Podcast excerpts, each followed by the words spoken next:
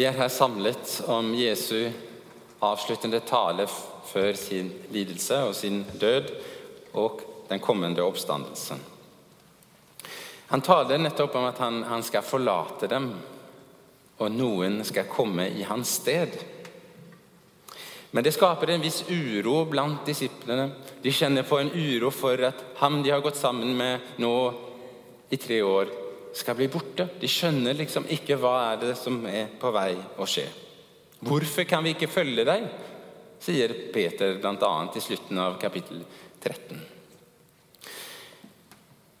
Og Jesus sier da 'la ikke hjertet bli grepet av angst', sier han i begynnelsen av kapittel 14, og sier videre 'jeg lar dere ikke bli igjen som foreldreløse barn'. Men han skal sende en annen talsmann noen som kommer i Jesus sted. Den skal være hos dem, den skal veilede dem, skal vandre med dem, og den skal minne dem om det som Jesus allerede har talt til dem.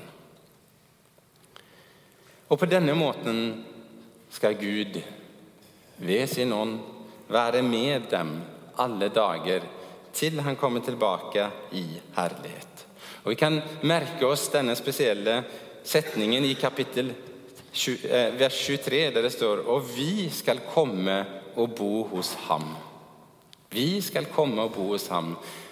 Og så taler teksten videre om både Far, Sønn og Ånd. En sann Gud som kommer til oss som Far, Sønn og Ånd. En guddom, en vilje og en frelsesvilje som de ønsker å få åpenbare for våre hjerter og få bo i oss ved sin ånd. Og Så avslutter teksten med dette fredsbudskapet som Jesus etterlater dem, og som Den hellige ånd skal få bringe videre til hver enkelt av oss hver dag. At Kristus Jesus etterlater fred for våre hjerter. Ut fra denne teksten så skal vi samles i, i, under tre punkter. Der det første punktet er Ordet. Det andre punktet er Ånden. Og den tredje er neste generasjon. Ordet, Ånden og neste generasjon.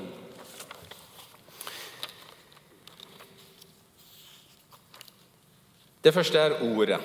Og Hele avsnittet begynner med, som et svar på et spørsmål. Der disiplene som kalles for Judas, men ikke han som var Judas Iskariot, som spør hvorfor skal du åpenbare deg for oss og ikke for verden. Ja, Det var jo naturlig å tenke seg at det Jesus ønsket å gjøre, det skulle nå ut til så mange som mulig. Men hvorfor er det da slik at det ser ut for at du vil formidle dette til oss, slik at vi på en måte skal ta dette videre. Og dette ordet 'åpenbare' det handler om å avdekke noe som har vært skjult.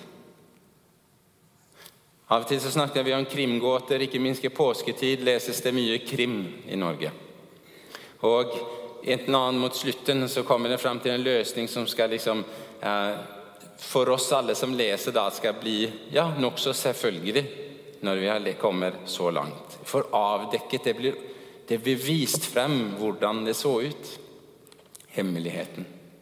Og Paulus, når han snakker om hva som skal åpenbares, så bruker han nettopp disse ordene. Mysterium, hemmelighet.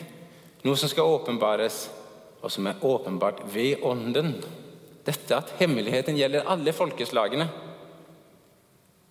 Det er Åndens oppgave å avdekke dette for oss. Og Så understrekes hele pinsedagens budskap nettopp dette at budskapet skal nå til de andre gjennom de som lever i fellesskap med Jesus. At Den hellige ånd bruker det ordet som Gud har talt, og gjennom oss formidler det videre og skaper tro også gjennom det vitnesbyrdet.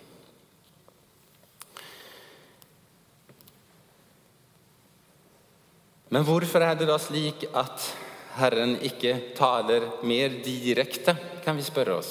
Mer direkte til mennesker.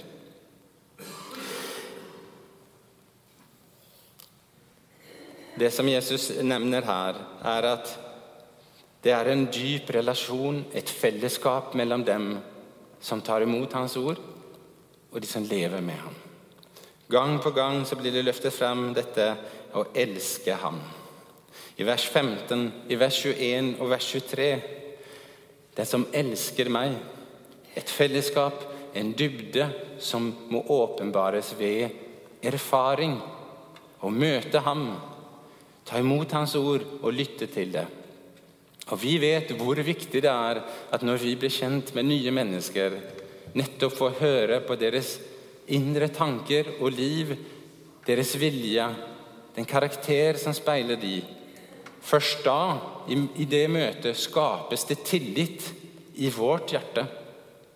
Derfor handler ikke kristen tro om de store åpenbaringene som gir den kunnskapen som kan gjøre at vi tilslutter oss en religion. Men kristen tro handler om den fellesskapet, relasjonen til et ham som du har blitt kjent med. Og Derfor blir vi invitert i denne teksten til å ikke eh, tenke de store åpenbaringene som skal omvende alle, men den personlige relasjonen som blir formidlet gjennom disiplene i Den hellige ånds kraft, som kan få nå ut til et menneske og der tillit kan vekkes i deres hjerter. Derfor handler det mer enn kunnskap, så handler kristen tro om kjennskap. Kunnskapen er viktig, men kjennskapen er det som gjør at troen blir virksom i våre hjerter.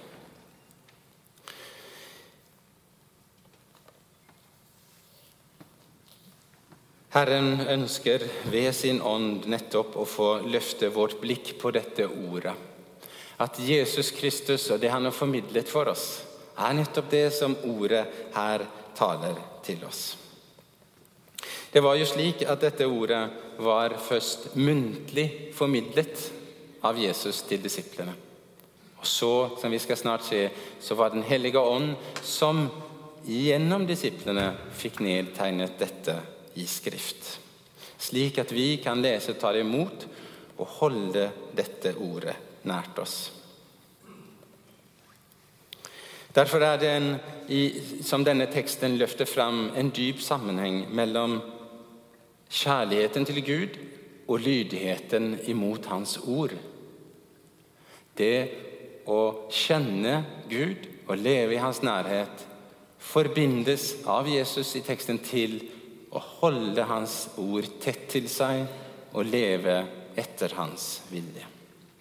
Og nettopp dette, Når vi tenker på å holde Guds ord, så er vi riktig nå opptatt av det å opp, oppfylle, holde, gjøre det rette.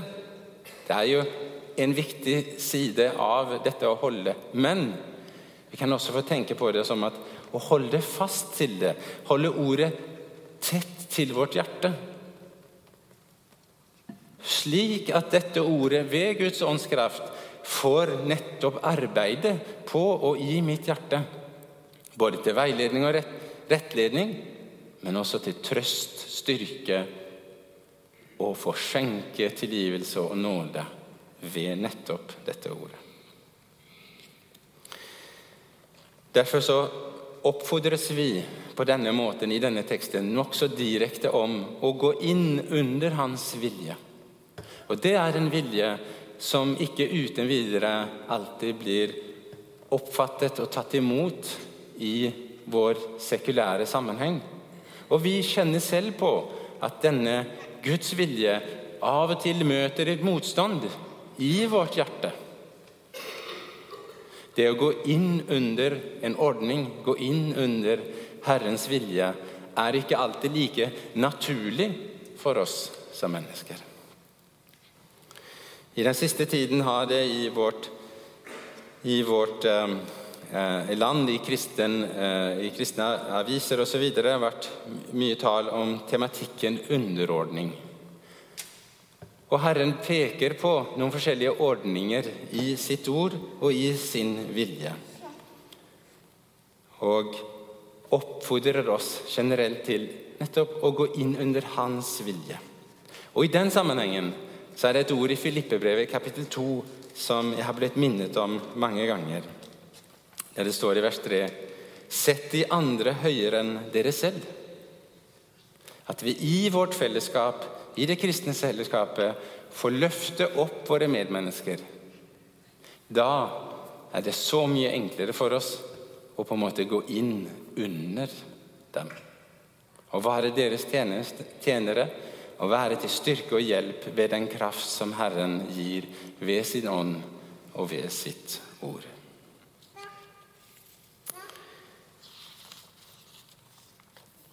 Den andre delen, det er ånden. Og slik som vi leste, jeg, jeg henviste til fra Efeserbrevet, så sier altså apostelen Paulus at dette mysterium er nå ved Ånden blitt åpenbart. Det er avdekket, og folkeslagene skal få ta del av dem. I vers 26.: Talsmannen Den hellige ånd, som Far skal sende i mitt navn, skal lære dere alt og minne dere om alt det jeg har sagt dere. Så det som Jesus har uttalt, det skal på ny, på ny få nå inn til deres hjerter og til våre hjerter. Når Jesus ikke lenger skulle være kroppslig til stede, så sender han sin ånd i stedet.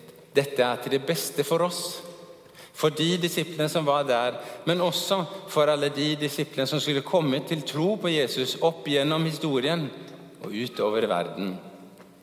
Og Da, ved sin ånd, kunne Gud være til stede med hver enkelt.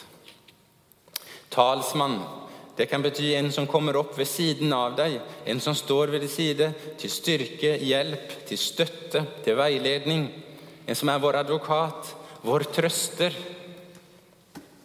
Han forsvarer den som tror.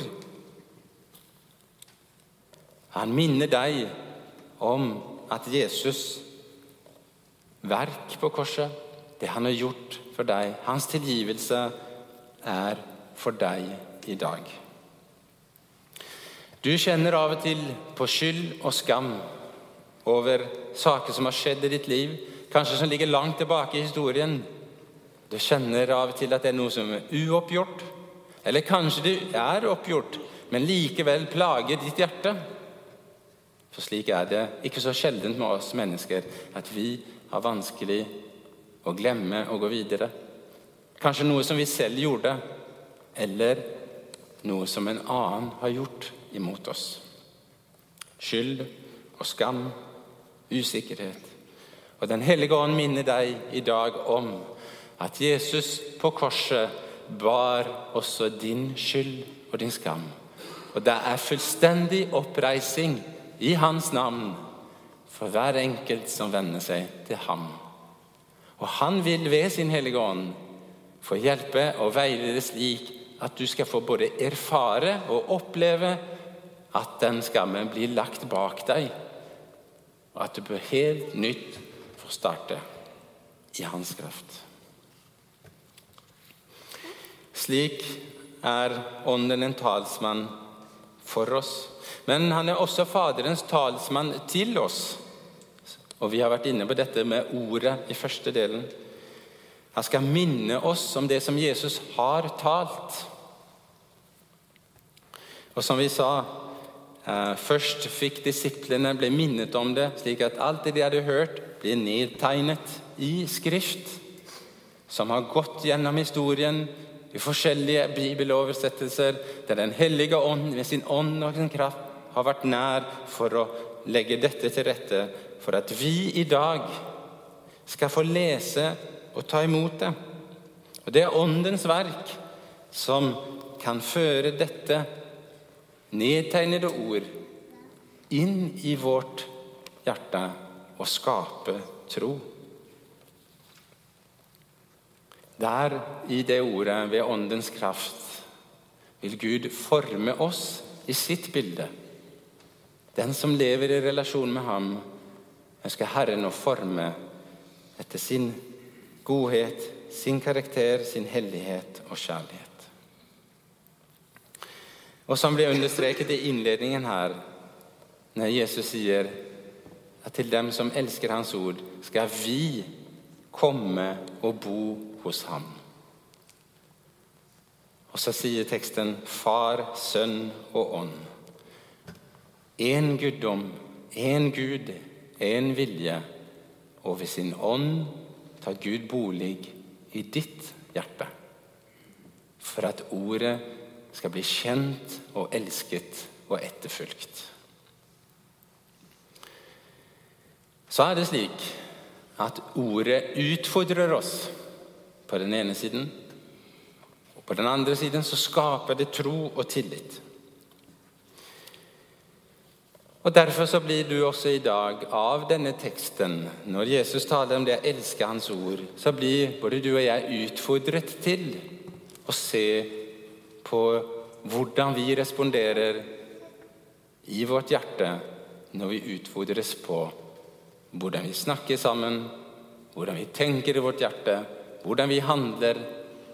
Spesielt når vi blir møtt med motstand og fiendskap. Og kanskje er det slik at i denne stund Den hellige ånd nettopp vil røre ved deg og minne om noe som ligger uoppgjort på din vei. Som han i dag vil minne deg om å ta tak i. Slik at det kan få være et oppgjør om det ligger nettopp på deg å gjøre det. Samtidig så vil han også minne om at det er tilgivelse, det er oppreising for hver enkelt som vender seg til ham etter den, og med ønske om tilgivelse. Så er det den tredje og siste delen i denne talen, som jeg har kalt for 'neste generasjon'. Eh, ånden åpenbarer og avdekker. Han har avdekket hemmeligheten for deg og meg. Han ønsker å avdekke mer og mer av den hemmeligheten hver dag. At Ånden får bedre og bedre plass i vårt hjerte, det er på en måte slik vi kan få eh, oppfatte og skjønne dette og bli fylt av Ånden. Han vil skjenke oss en fred som ikke denne verden kan gi oss. Det er mange kilder i denne verden som på forskjellige måter gir oss tilfredshet. Vi fra denne verden og alt det som er skapt rundt oss i møte med medmennesker, kan få kjenne på at vi blir tilfreds av. Men så er det mange andre ting også i denne verden som fyller oss med usikkerhet og liksom skaper angst og motløshet. For alle generasjoner, men kanskje spesifikt for den oppvekstende generasjonen, så er dette å ikke være god nok noe som skaper motløshet, som skaper angst. En blir satt til å prestere i livets mange situasjoner. Og Det er jo godt og riktig på mange måter i vår verden at vi blir opplært til å kunne prestere. Ta del av samfunnets virke. Men så veldig ofte så gjør vi den saken også til en åndelig gjerning. En handling innenfor Gud og prestere det som må til for at jeg kan stå oppreist foran en hellig Gud. At det blir mitt, min egen prestasjon. Og da er det vår oppgave som kirke og den, det arbeid som Ånden ønsker å gjøre, å fortelle igjen og igjen at i forhold til din Gud er det ferdig prestert. Det er ferdig prestert. Det er fullbrakt, det verket som skal gjøres og oppfylles. Det som trengs for at du skal få stå oppreist innenfor Gud. Dette er en hemmelighet som blitt avdekket og spørsmålet er når vi markerer 150 år som kirkesamfunn i år, er denne hemmeligheten avdekket for neste generasjon.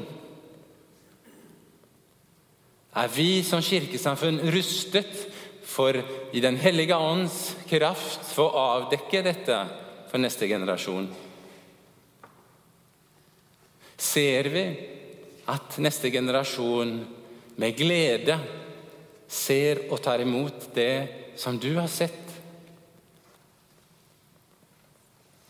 Det er et ransakende spørsmål, og samtidig et spørsmål med mye spenning, utfordring og glede når den får prege vårt hjerte.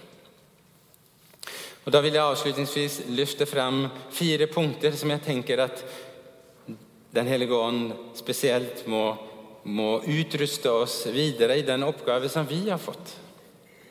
Og Samtidig en sak som jeg tror vi skal være oppmerksom på, spesielt i vår tid. Det første er familien, samfunnets grunnpilar. Når vi møter mennesker, kjærestepar, ektepar, yngre familier med barn, og legger til rette for støtte, veiledning, gjennom hele ungdomstiden og frem imot familietiden. Være med å skape de positive, gode rutinene som gjør at kjennskap og nærhet til Gud vokser frem. Vi lever i en tid der vi på mange måter oppfatter det slik at vi en, som kollektiv i Norge og i andre land drar bort ifra Gud. Et kollektivt vei bort ifra Herren. Og Herrens ord gir uttrykk for at et folk som vandrer bort ifra ham, blir overgitt til sin egen vilje. Og Vi ser symptom på dette i vårt samfunn. Og i enda større grad vokser da vår oppgave frem med å støtte, veilede å være til hjelp for de som blir eh, bilder nye familier, danner nye familier, og for at de skal kunne få veilede den nye generasjonen fremover. Skolene våre, som har i 150 år og mer enn det vært en av de måter som vi ønsker å nå neste generasjon på, vi må be Herren må fortsatt utruste oss som kirkesamfunn til å kunne la dette få være et verktøy for ham for å bygge familier og bygge barn og ungdom. Ikke slik at kirke eller skole skal overta ansvaret, men for at familien selv blir rustet til å være den som bærer ansvaret for sine. Det tredje er tegn om kors og trengsler. Det kan vi se på mange steder utover jorden, hvordan mennesker møter kors og trengsel. Det var som en sa, det å vokse i forfølgelse, var det en lidende kristen som sa. Det, gjør, det, det kan bare skje hvis det er en ballast fra før av. Der det er et kjennskap til Gud og Hans ord, da kan det få vokse og bli til eh, en, en moden tro også i forfølgelse. Og Derfor, med den bakgrunnen, så utfordres hver enkelt av oss til å ha med seg den ballasten med oss i tiden som kommer. Og I dette verset, i vers 29, så avslutter Jesus teksten her med å henvise til det han nå har sagt. Nå har jeg sagt dere dette før det skjer, for at dere skal tro når det skjer. Dette handler om hvordan Ånden skal komme i første omgang. Men når Ånden minner oss om alt det som Jesus har talt, så ser vi at det er ting i Skriften som peker på hvordan framtiden kan se ut. Og da kan vi være forberedt. Ikke slik at vi skal bli overrasket, men for å være forberedt for det som måtte komme. Det siste og fjerde punkt som eh, passer så godt til dagens tematikk, og som vi gjerne skulle ha snakket enda mye mer om, det er misjon. En oppgave som vi i vår tid fremover fortsatt ønsker skal få prege vårt kirkesamfunn i tiden som kommer. Når teksten i dag sier i apostelgjerningene eh, Helt i avslutningen der av det som vi leste i vers 11. Og vi hører dem tale om Guds storverk på våre egne tungemål. Da måtte jeg tenke på nettopp dette som vi om få uker skal få være med på på vårt sankthansstevne. Da vi skal få være med å innvie familien Hansen Ekenes til denne tjenesten i Madagaskar. Nettopp som handler om å gjøre ordet om korset, om Guds veldige gjerninger, tilgjengelige på et språk som kanskje ikke fullt ut tydeligere har blitt forsynt. De skal få tro, de skal få høre om Hans storverk på sitt eget tuggemål.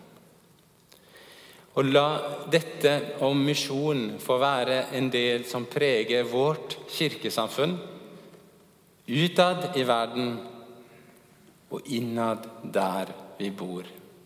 For det handler ikke bare om nettopp at Den hellige ånd viser de ordene, altså ren tekst, slik at de blir forstått, men at du og jeg i vårt daglige virke er til stede, integrert, inkarnert i samfunnet vårt, slik at Den hellige ånd i sin kraft ved deg og ditt vitnesbyrd, der du er fylt av nettopp dette ordet, får bære bildet av hvem Gud er, ut i denne verden. Hvorfor, spurte Judas, vil du ikke åpenbare deg for verden? Han ønsker at frelsesbudskapet skal nå ut til hele verden. Men han vil gjøre det ved sin vitsot ord, ved sin ånd, ved sin kirke, der du og jeg, hver enkelt av oss, er kalt til tjeneste. med nettopp å bringe Hans ord inn blant menneskene. Og Hovedordet i det er han tilbyr fred. Fred etterlater jeg dere. Amen.